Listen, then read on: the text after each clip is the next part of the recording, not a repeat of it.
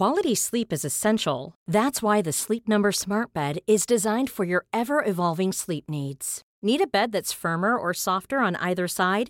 Helps you sleep at a comfortable temperature? Sleep Number Smart Beds let you individualize your comfort so you sleep better together. JD Power ranks Sleep Number number 1 in customer satisfaction with mattresses purchased in-store. And now save 40% on the Sleep Number limited edition Smart Bed for a limited time. For JD Power 2023 award information, visit jdpower.com/awards. Only at Sleep Number stores or sleepnumber.com.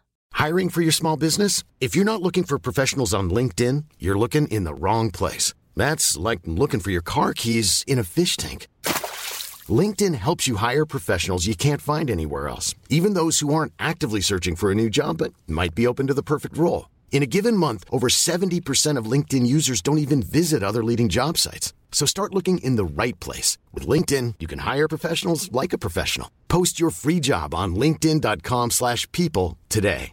Hi, I'm Daniel, founder of Pretty Litter. Did you know cats tend to hide symptoms of sickness and pain? I learned this the hard way after losing my cat, Gingy. So I created Pretty Litter, a health monitoring litter that helps detect early signs of illness by changing colors, saving you money and potentially your cat's life. Pretty Litter is veterinarian developed, and it's the easiest way to keep tabs on your fur baby's health right at home. Go to prettylitter.com and use code ACAST for 20% off your first order and a free cat toy. Terms and conditions apply. See site for details. Hei og velkommen til en ny episode av Becoming. I dag sitter jeg faktisk i et fysisk studio, og jeg har en gjest som sitter rett overfor meg. Og hun er ikke bare hvem som helst. Dette her er Nina Stuberg Gullseth, eller som du kanskje kjenner henne på Instagram, Sunn student. Hun ga ut boken Sunn student, billig, enkelt og sykt digg, samtidig som Belinda Jacobsen og jeg ga ut boken Bedre på livet. Ikke bare har vi gitt ut i samme forlag, vi har også hatt samme redaktør. Og er det én ting min redaktør har gjort, så er det at hun har skrytt Nina opp etter skyene. Så da jeg var innom Kagge, så var jeg en liten snikk. Og så tenkte jeg nå skal jeg gjøre det Maiken har fortalt meg om. Jeg skal knabbe meg boken til Nina, og skal jeg sjekke ut hva er det Nina har fått til gjennom sin populære Instagram-konto, og ikke minst, hva er det Nina kan anbefale meg å spise? Ikke bare til middag, men til frokost, lunsj og dessert. Og la meg bare få si det, at hun imponerer. Ikke bare med én oppskrift, ikke bare med to, men rett og slett hele boken. Så da tenkte jeg at denne damen her, hun må jeg ha meg inn i podkasten. Ikke bare er hun forfatter, hun er faktisk sykepleier. Hun er helsesykepleier og ernæringsstemt samtidig.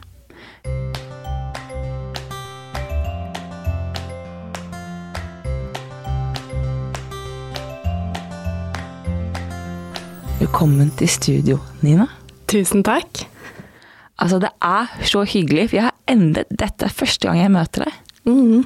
Ja, det er veldig hyggelig å bli invitert hit.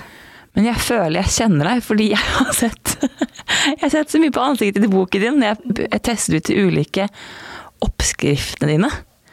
Hvordan føles det å gi ut en bok? Ja, det er veldig stas. Det er kjempeartig.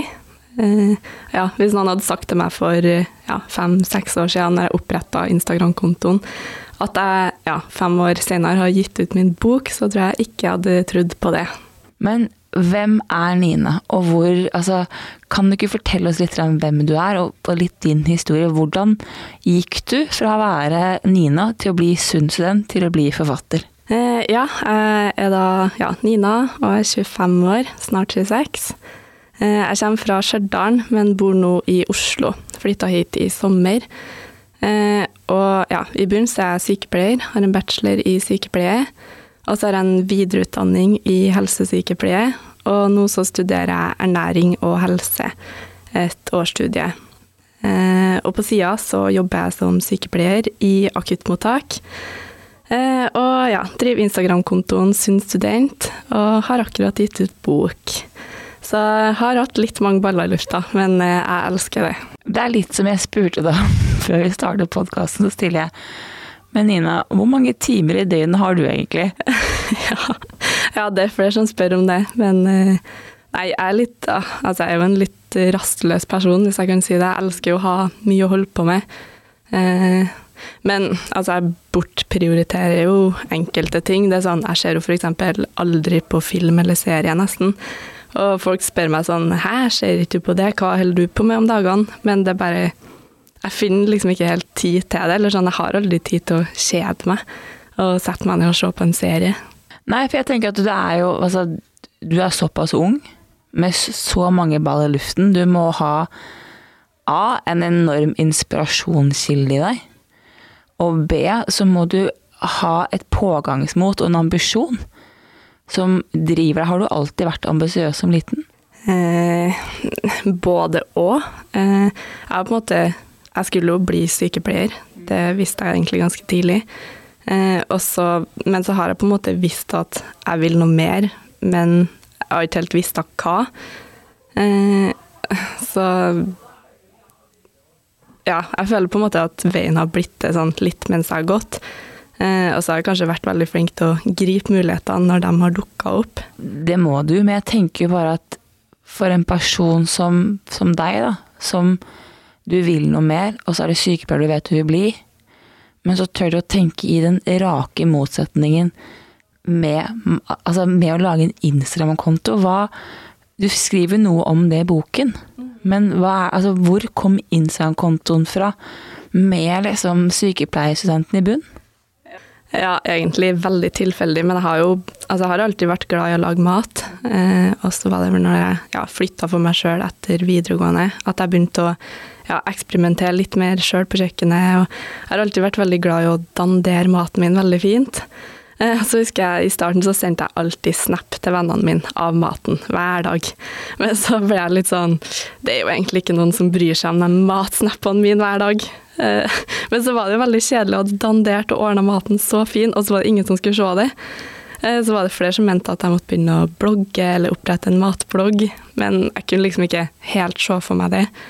Så i stedet, så ganske sånn tilfeldig, så oppretta jeg en Instagram-konto som jeg ja, kalte Sunn student. Eh, og tanken var at det skulle ja, være sånn min egen lille kokebok der jeg sjøl kunne finne inspirasjon de dagene jeg trengte det. Men så viste det seg jo etter hvert at det var flere som trengte den. Eh, men jeg var helt anonym på den fram til jeg hadde ja, over 13 000 følgere. Eh, og jeg husker jeg sa det kun til sånn et par av mine nærmeste venninner at jeg hadde den. Og jeg var litt sånn, syntes nesten det var litt flaut. Jeg var litt sånn ikke si det til noen at eh, jeg har den. Men så fikk jeg jo litt spørsmål etter hvert, sånn hvem jeg var, når jeg hadde en del følgere. Men jeg husker det var sånn ganske ute av komfortsonen å liksom dele ansiktet mitt der og si hvem jeg var. da. Jeg har liksom aldri hatt helt det behovet for å eksponere meg sjøl så veldig. Eller sånn være så veldig i fokus. Hvordan føles det da å være på forsiden av en kokebok? Eh, nå så føles det veldig bra. Men jeg har jobba litt med meg sjøl sånn på veien, ja. Ja, for jeg tenker jo det å være helt anonym med 13 000 følgere, det er ganske mange mennesker som følger deg. Ja. Hva er det som du kjente på at du Hva er det Hvor kom den Det at du var flau over det, på altså, Hvor kom den følelsen fra?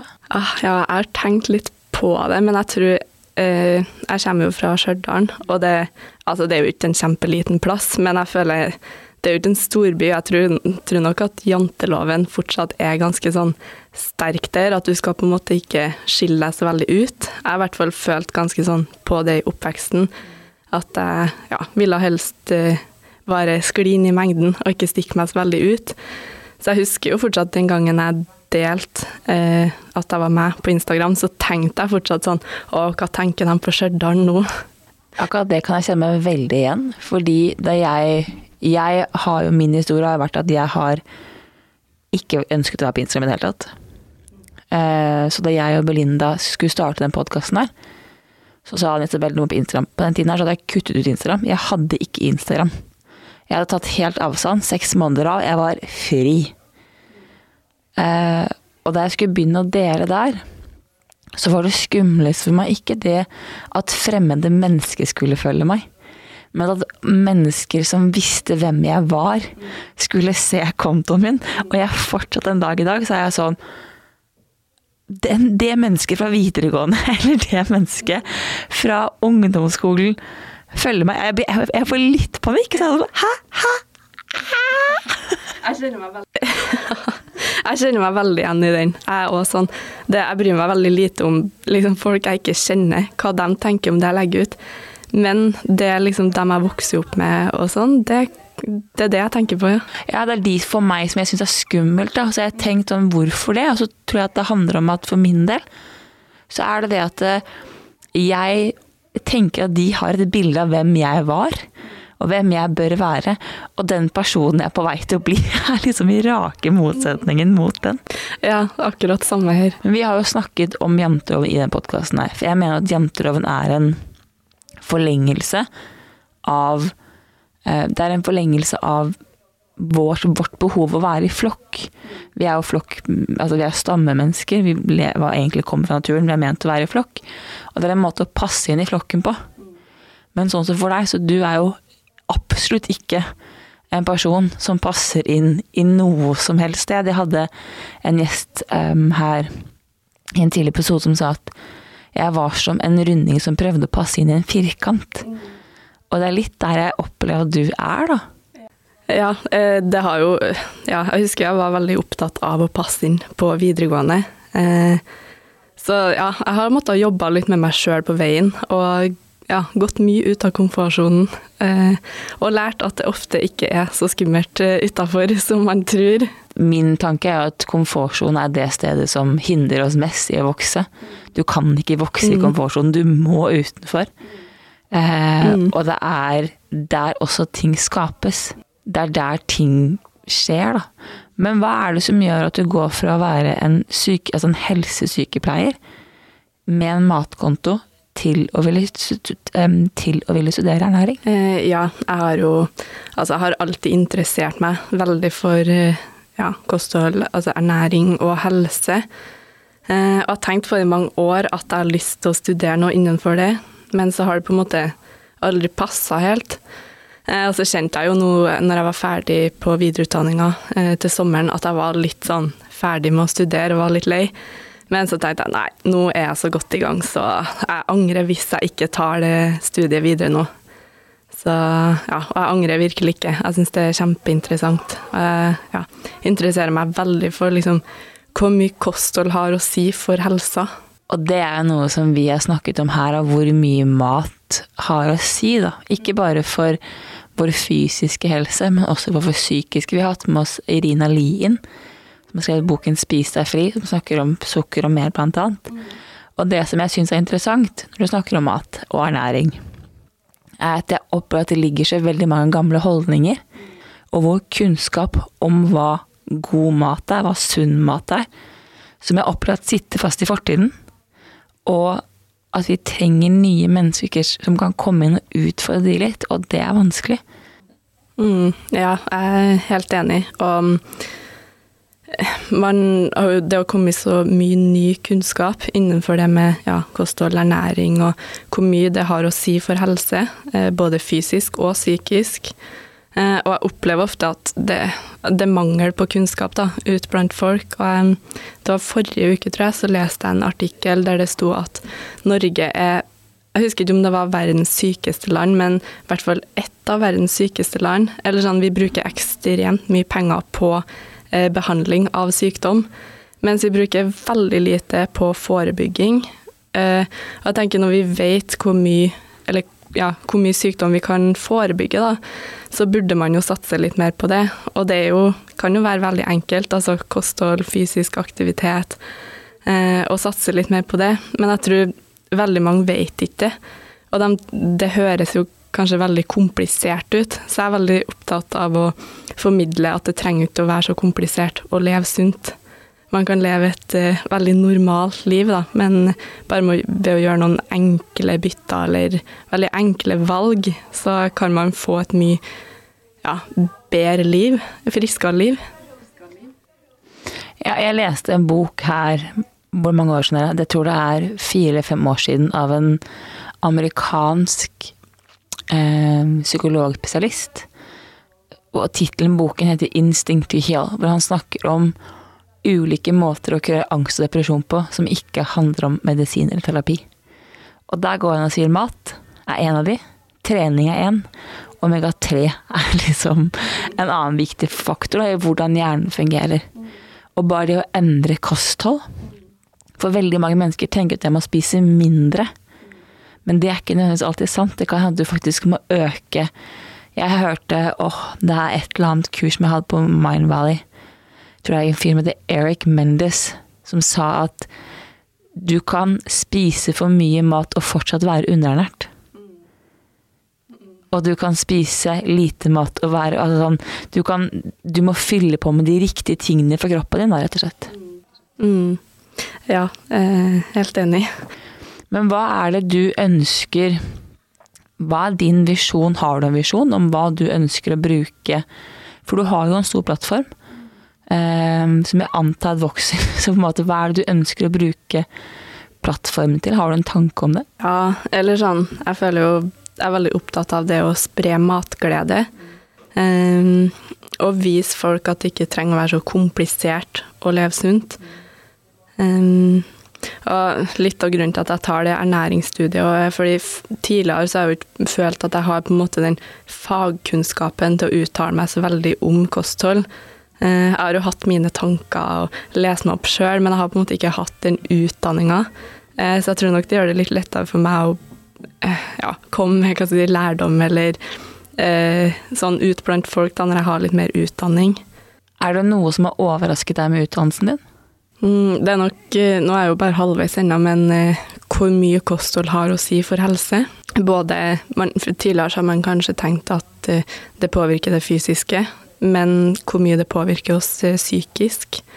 Og hvor mye f.eks. i behandling av depresjon, da, hvor mye kosthold har å si der, og at man faktisk kan bli frisk uten medisiner.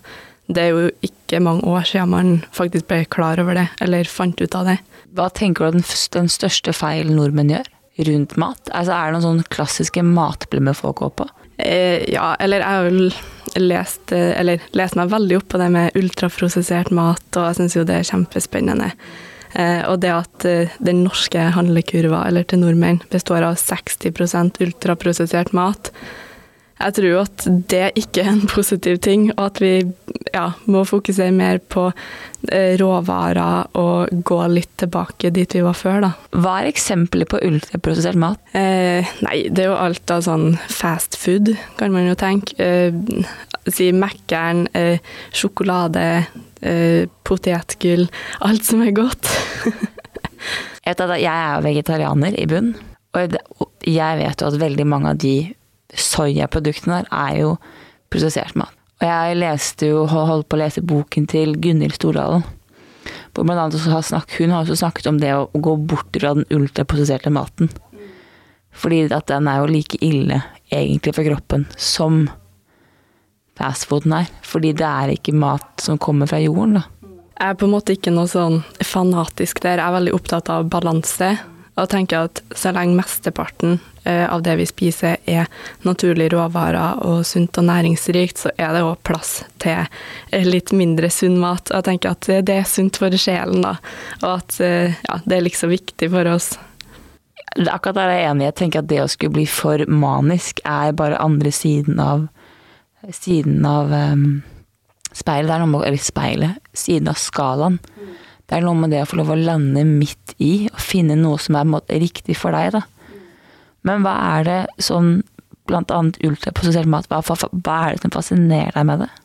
Eh, kanskje det eh, Man merker jo forskjell sånn hvis du tar deg en eh, chipsbit, eller si en Smash-bit så klarer ikke du å stoppe. Du bare Du må ha mer. Eh, så det er jo en mekanisme der som ja, gjør at du ikke klarer å stoppe, mens si at du sitter og spiser gulrot. Altså du spiser jo ikke en hel pakke med gulrot og ikke klarer å stoppe. så det er en forskjell der, da. Det var hvem var det som sa det? Jeg tror det er Irina Lie som har sagt det til meg. At husk på at det er ingen som craver en gulrot med smeltet ost. Vi craver pizza med smeltet ost. For det er noe med den kombinasjonen mellom mel og sukker som er så godt, da. Og det er så det du sier der, om at det er noe i den prosesserte maten som gjør noe med oss. Det tror jeg jo 110 på. Og den er ofte vanskelig å overstyre, da. Det til og med sånn jeg som eh, ja, studerer ernæring nå og har jobba med det i flere år, altså jeg går jo òg på den smellen at jeg ja, står med smågodtposen og bare høvler nedpå og klarer ikke å stoppe. Og det, det skjer ofte. Eh, så det er en mekanisme der som er ja, sterk. Ja, altså, jeg syns faktisk smågodt er verre for meg å stoppe med enn en vanlig sånn pose, fordi med smågodten så vet du ikke hvor mye som egentlig ligger i. Nei, jeg, hvis jeg kjøper smågodt, så må jeg kjøpe den mengden som er liksom innafor å spise, fordi jeg spiser til det er tomt.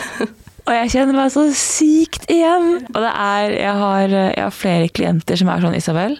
Smågodt er det er krise. Altså Det er så digg, det er det beste jeg vet. Men, eh, men der har jeg null begrensninger. Og det er ikke lenge siden jeg bestemte meg for at jeg kan faktisk ikke gå dit. Jeg kan ikke tillate meg selv å gå dit. Ja, samme her. Ja, for jeg, fordi jeg, klar, jeg, jeg, klarer ikke å stoppe, uansett hvor mye jeg prøver. Og så kjenner jeg på når, når det ikke går, så får jeg så sykt skamfølelse. Og så kommer det der 'har du spist så mye som har gått'? Og så er det en del av meg som ikke egentlig vet hvor mye jeg har spist. Men jeg vet bare at det er mye for jeg har vondt i magen. Ja. ja, nei, jeg, altså jeg kan òg føle på det, men jeg har òg blitt veldig flink til å tenke at det går helt fint. Jeg vet at mesteparten av kostholdet mitt er sunt og næringsrikt og gir meg det jeg trenger. Og om jeg skeier veldig ut den lørdagen, da, så går det helt fint, på en måte. Og jeg får ikke noe dårlig samvittighet for det. Heldig deg. Det, men det jeg lurer på, du har i kokeboken, så har du eh, noen sunne snackser. Og en av de har jeg veldig lyst til å prøve. Jeg har ikke prøvd, jeg har ikke turt, faktisk. Det er et par av oppskriftene til Nina som er som tett tar med utenfor komfortsonen. det er en gurkemeiehavregrøt, og så er det en cookie dough-kuler. Hva er din favoritt-sunn-snacks? Altså, hva er det når du liksom skal være skal lage snacks? Hva lager du? Eh, det går egentlig litt i perioder, men eh, nå er jeg inne i en periode der jeg syns det er veldig godt med eh, banan og peanøttsmør og litt smelta sjokolade. Jeg elsker den komboen. Ellers er sånn Ja, det har vært litt fast i alle de år. Det er fruktsalat med vaniljekesam og kanskje litt mørk sjokolade oppå. Det syns jeg er veldig godt. Ellers så de cookie dough-kulene du nevnte, de er òg veldig gode. De er lagd av kikerter. Og det skulle man ikke tro, de smaker ikke kikerter. Hvor kom den oppskriften fra? Eh, ja, godt spørsmål. Jeg er litt sånn Eller jeg får veldig mye inspirasjon fra ja, Instagram og TikTok. Eh, men jeg kan òg sånn Hvis jeg er ute og går en tur, eller eh, bare ikke gjør så mye, så plutselig så bare dukker det opp en oppskrift som jeg blir sånn Å, det må jeg lage. Eh, så det er som regel Det er veldig sjeldent at jeg setter meg ned og tenker at nå skal jeg lage en oppskrift. Eh, det kommer liksom litt mer sånn fallende ned på meg. Ja, for du sa også her før timen, eller før timen, se, før podkasten startet, så sier du at eh, jeg leker meg mye på kjøkkenet. Mm. Ja. Jeg vil jo si at noen av mine si, beste eller mest populære oppskrifter, de har jo blitt det ved at jeg ja, skal lage meg en eh, restemiddag, eller lage noe av det jeg har i skapet, da, eh, og prøve meg litt fram, og så blir det som regel veldig godt. Eller ikke alltid, det er ikke, ikke alt som blir delt, men eh, ofte da, så er det sånn oppskriftene blir til. Ja, for vi snakket om, jeg hadde nemlig en havrepizza i går til middag. Den er å anbefale, folkens. Altså, den er så digg. Og så sier du at den sausen der, den kom ved at du rett og slett lagde en restemiddag hjemme? Ja, det var en restemiddag. Eh, jeg hadde kanskje litt pesto igjen, og så litt crème fraîche, eller ja. Og så bare blanda det sammen og tok det på og håpa at det ble godt, og så ble det jo kjempegodt. Ja, den er helt, helt rå, faktisk. Og så har hun en utrolig god blomkål-nachos òg, som også var sånn mm, Dette er en fantastisk variant å lage. Eh, det jeg lurer på er hvor kom boken fra? Altså, hvor kom bok For du har vært du er sykepleier, du er helsesykepleier. Instagram-konto, oppskrifter. Hvor kommer boken din? Eh, ja, jeg ble Jeg husker det et par år siden jeg først ble spurt om å gi ut bok, men eh, da ble jeg litt sånn nei, jeg kan ikke gi ut noe bok, og jeg får ikke til det, og tenkte at nei, det høres veldig skummelt ut, så da sa jeg nei. Men så klarte jeg jo aldri sånn helt å legge fra meg tanken. Jeg hadde den jo i bakhodet at åh, det hadde jo vært veldig artig å gjøre det. Um, og så ble jeg spurt igjen av eh, Kagge, da, et annet forlag, uh, for ja, sånn et års tid siden.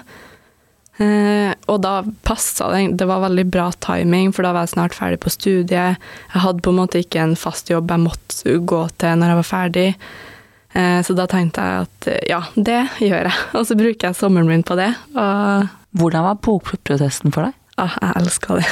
Jeg husker før jeg starta, så eh, både redaktør og dem jeg snakka med som hadde gitt ut bok eh, tidligere, de var sånn Du må være forberedt på at eh, du kommer til å være i kjelleren noen gang, og du møter veggen. Så jeg følte sånn Gikk litt og venta på det.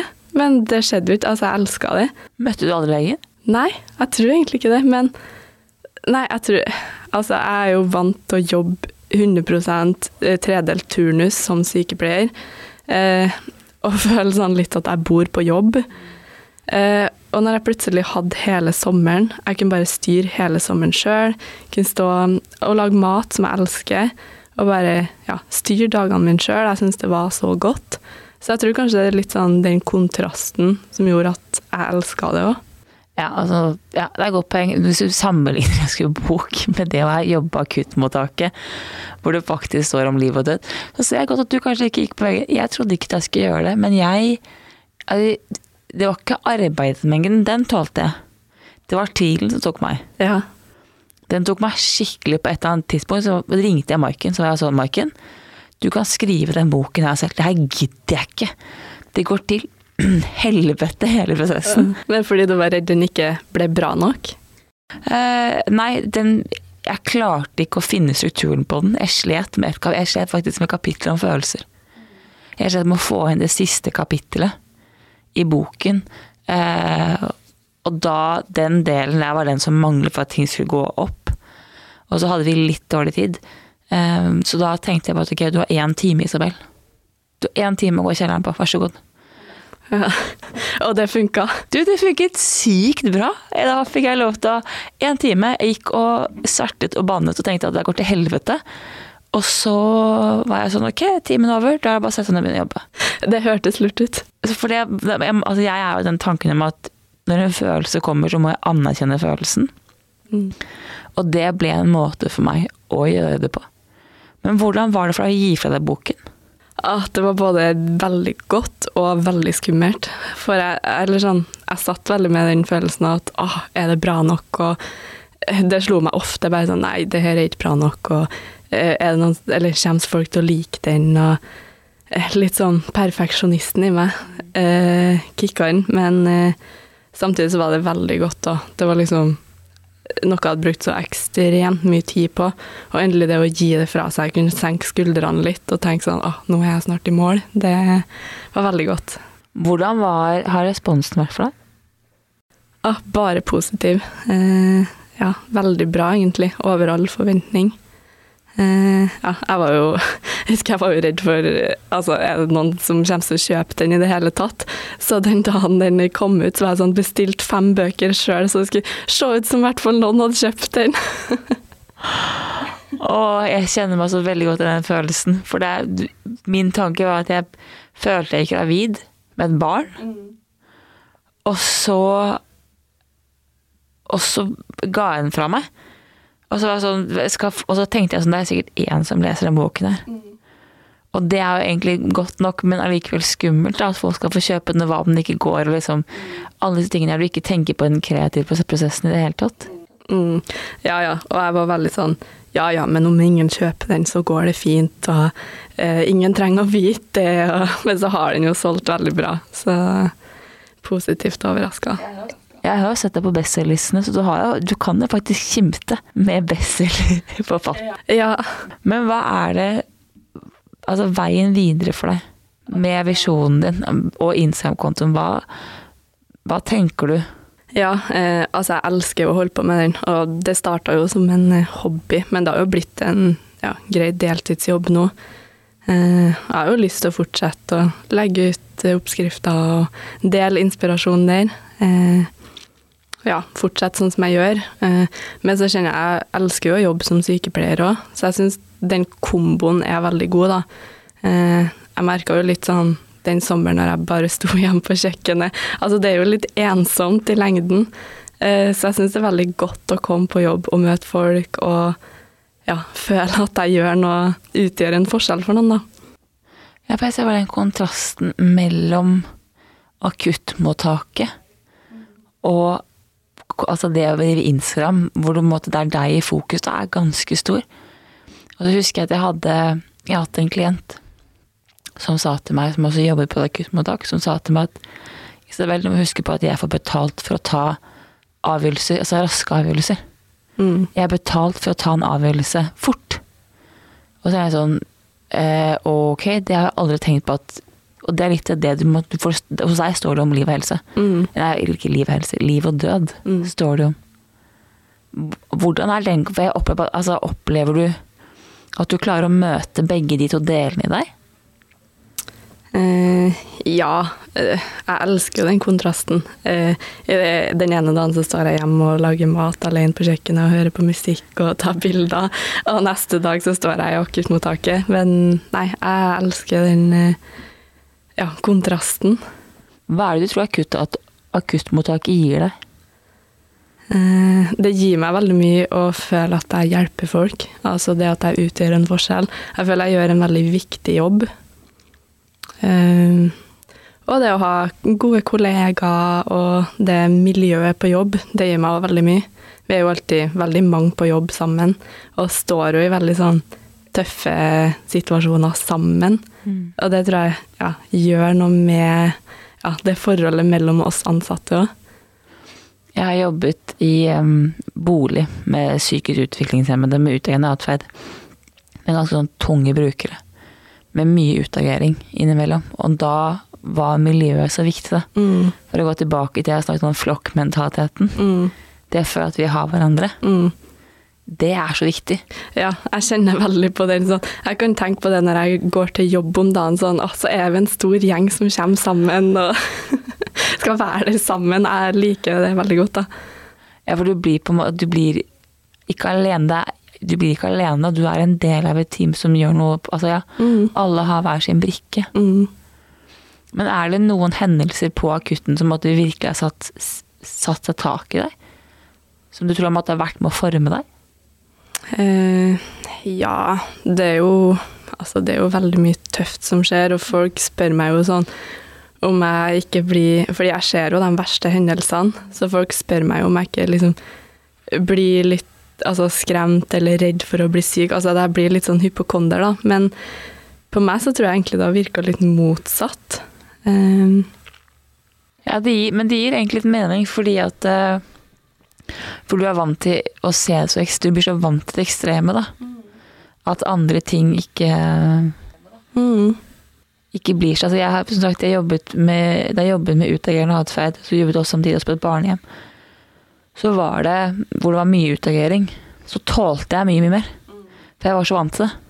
Ja, og så tror jeg nok uh, i starten så var det veldig sånn at jeg tok med meg jobben hjem, og ble ekstremt sliten av det. Men jeg tror det er litt sånn treningssak, eh, at man blir litt flinkere til å legge fra seg ting på jobb, og så når du drar hjem, så er det på en måte ferdig. Men det er jo ofte jeg ikke så god på det, altså når det skjer veldig eh, triste ting og sånn, så jeg tar meg ofte i å ligge og tenke på det på kvelden, og lurer ofte sånn på hvordan gikk det egentlig, og sånn. Men eh, man må nesten være litt god på å klare å legge fra seg ting for å klare å jobbe med det, da. Ja, akkurat det tror jeg på at du må være god på å skille da, på hva som er jobb og hva som ikke. Mm, Og hva som er ditt og hva som ikke er ditt. mm, Og der tror jeg kanskje at Instagram-kontoen din kanskje, tenker jeg da, om du skal få lov å arrestere meg her, men har vært en sånn god motpol. mm.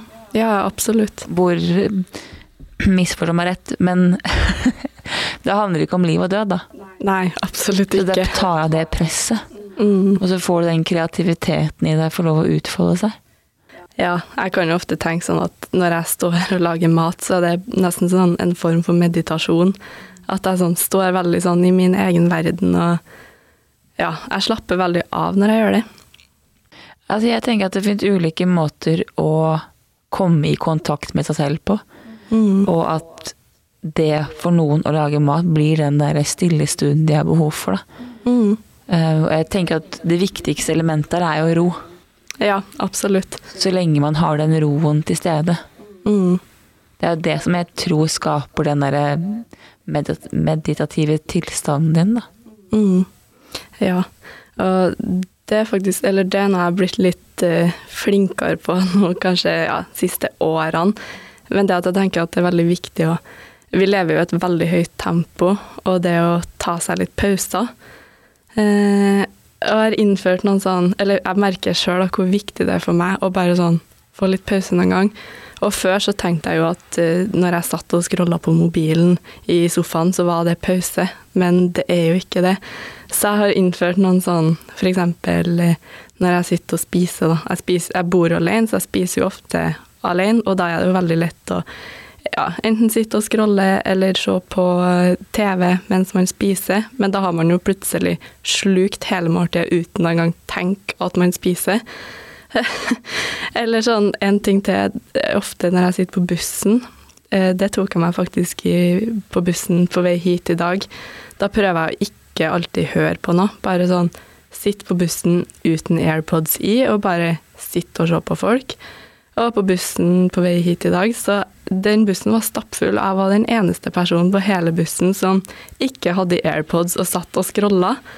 Og da tenkte jeg bare Det kan jo ikke være helt bra. Det er så gøy at du sier det, fordi jeg var Altså, jeg er jo født et kvarter for sent. Det er helt krise! Og i går så var jeg, var jeg på min første live radiosending, så da måtte jeg være tidlig. Så jeg var faktisk tidlig ute. Så jeg tror at i dag så var jeg bare sånn, da gikk det ikke, gikk det det hele tatt. Og så sender jeg melding til henne og sier at du, jeg er forsinket, mistet bussen, og alt gikk ut av rytme, og du bare ikke stress. Og så tenkte jeg, vet du hva? Skal jeg få det her til, skal det her bli en god samtale, så må jeg bare nå slippe. Og så må jeg lande. Så da gjorde jeg som da jeg satt på bussen uten AirPods. Og bare kom tilbake i deg selv. Hvor er du?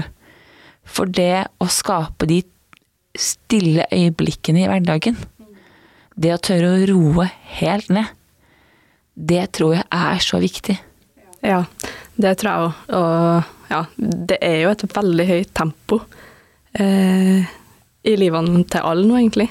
Og så er veldig, og så tenker jeg at det er noe med det at jeg liker så godt det konseptet om at du må roe ned for å kunne øke tempo.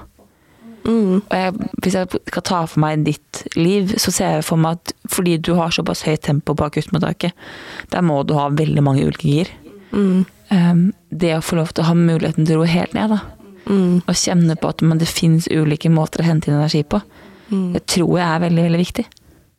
Og hvis du ser på naturen, så vil du se at naturen automatisk har disse små pausene i løpet av en dag. En hund vil løpe, og så vil den plutselig bare stoppe opp. Og så vil den løpe igjen. Hva er det som fikk deg til å ta de pausene? Eh, husker, eller I starten, når jeg var sykepleier, jeg husker jeg var ekstremt sliten.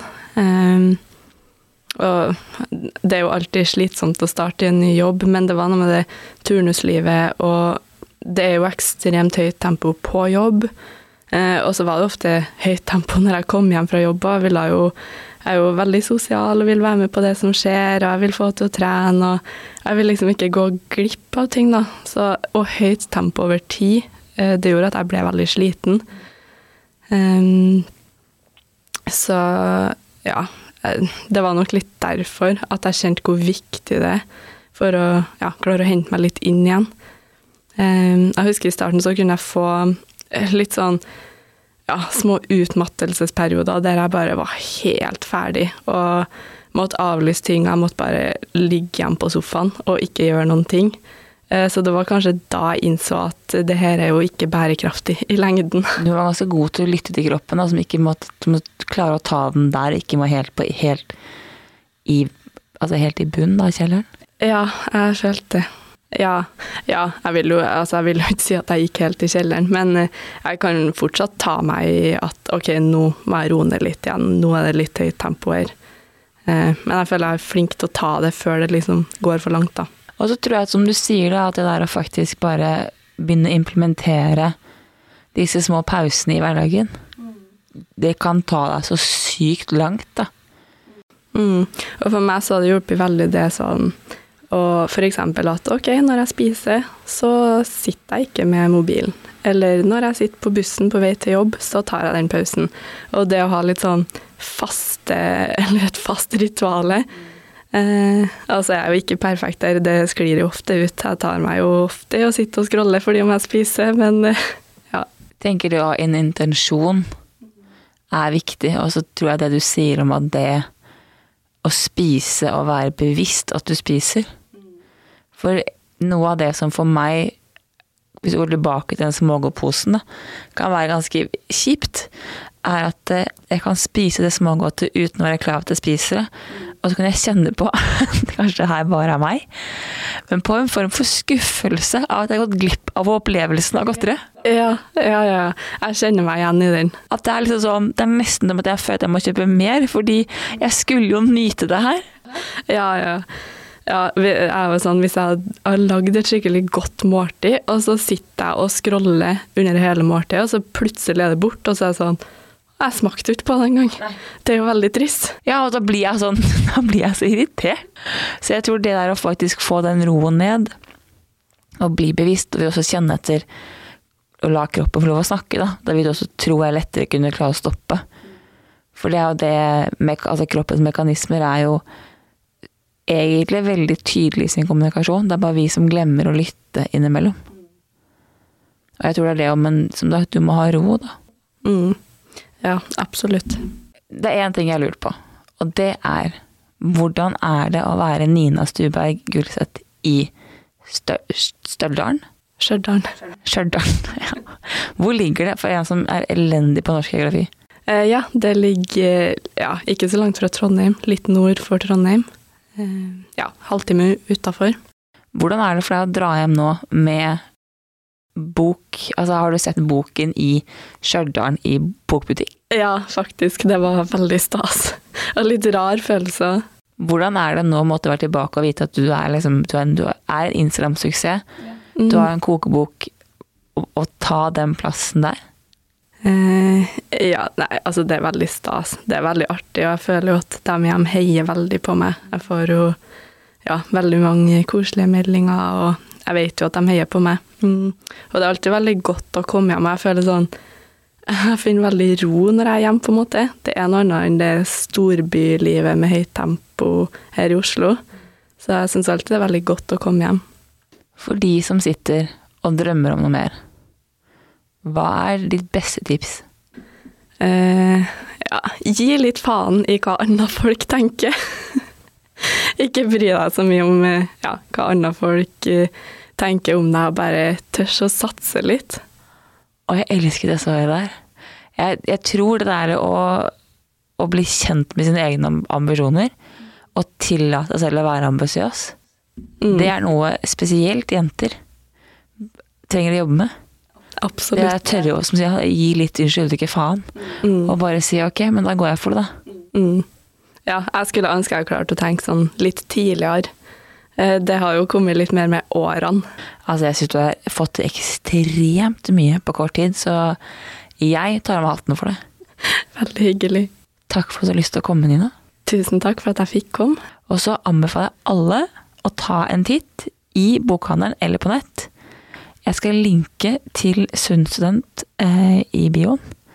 Og det er en kokebok jeg med hånden på hjertet vi anbefaler alle, ikke bare studenter, å klikke hjem eller gå i bokbehandleren. Bokbutikken.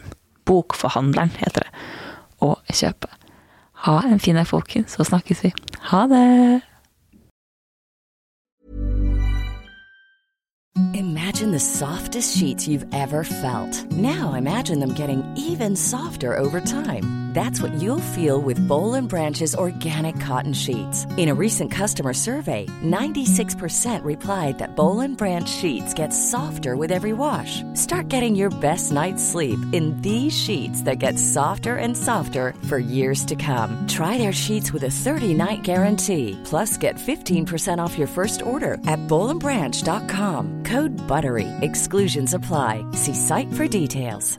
Hi, I'm Daniel, founder of Pretty Litter. Did you know cats tend to hide symptoms of sickness and pain? I learned this the hard way after losing my cat, Gingy. So I created Pretty Litter, a health monitoring litter that helps detect early signs of illness by changing colors, saving you money and potentially your cat's life. Pretty Litter is veterinarian developed, and it's the easiest way to keep tabs on your fur baby's health right at home. Go to prettylitter.com and use code ACAST for 20% off your first order and a free cat toy. Terms and conditions apply. See site for details. Mom deserves the best, and there's no better place to shop for Mother's Day than Whole Foods Market. They're your destination for unbeatable savings, from premium gifts to show-stopping flowers and irresistible desserts. Start by saving 33% with Prime on all body care and candles. Then get a 15-stem bunch of tulips for just $9.99 each with Prime. Round out Mom's menu with festive rosé, irresistible berry chantilly cake, and more special treats. Come celebrate Mother's Day at Whole Foods Market. Hey, it's Paige DeSorbo from Giggly Squad. High quality fashion without the price tag. Say hello to Quince. I'm snagging high-end essentials like cozy cashmere sweaters, sleek leather jackets, fine jewelry, and so much more. With Quince being 50 to 80% less than similar brands. And they partner with factories that prioritize safe, ethical, and responsible manufacturing. I love that. Luxury quality within reach. Go to quince.com slash style to get free shipping and 365 day returns on your next order. Quince.com slash style. Planning for your next trip? Elevate your travel style with Quince. Quince has all the jet setting essentials you'll want for your next getaway, like European linen, premium luggage options, buttery soft Italian leather bags, and so much more. And is all priced at 50 to 80% less than similar brands. Plus, Quince only works with factories that use safe and ethical manufacturing practices. Pack your bags with high-quality essentials you'll be wearing for vacations to come with Quince. Go to quince.com/pack for free shipping and 365-day returns.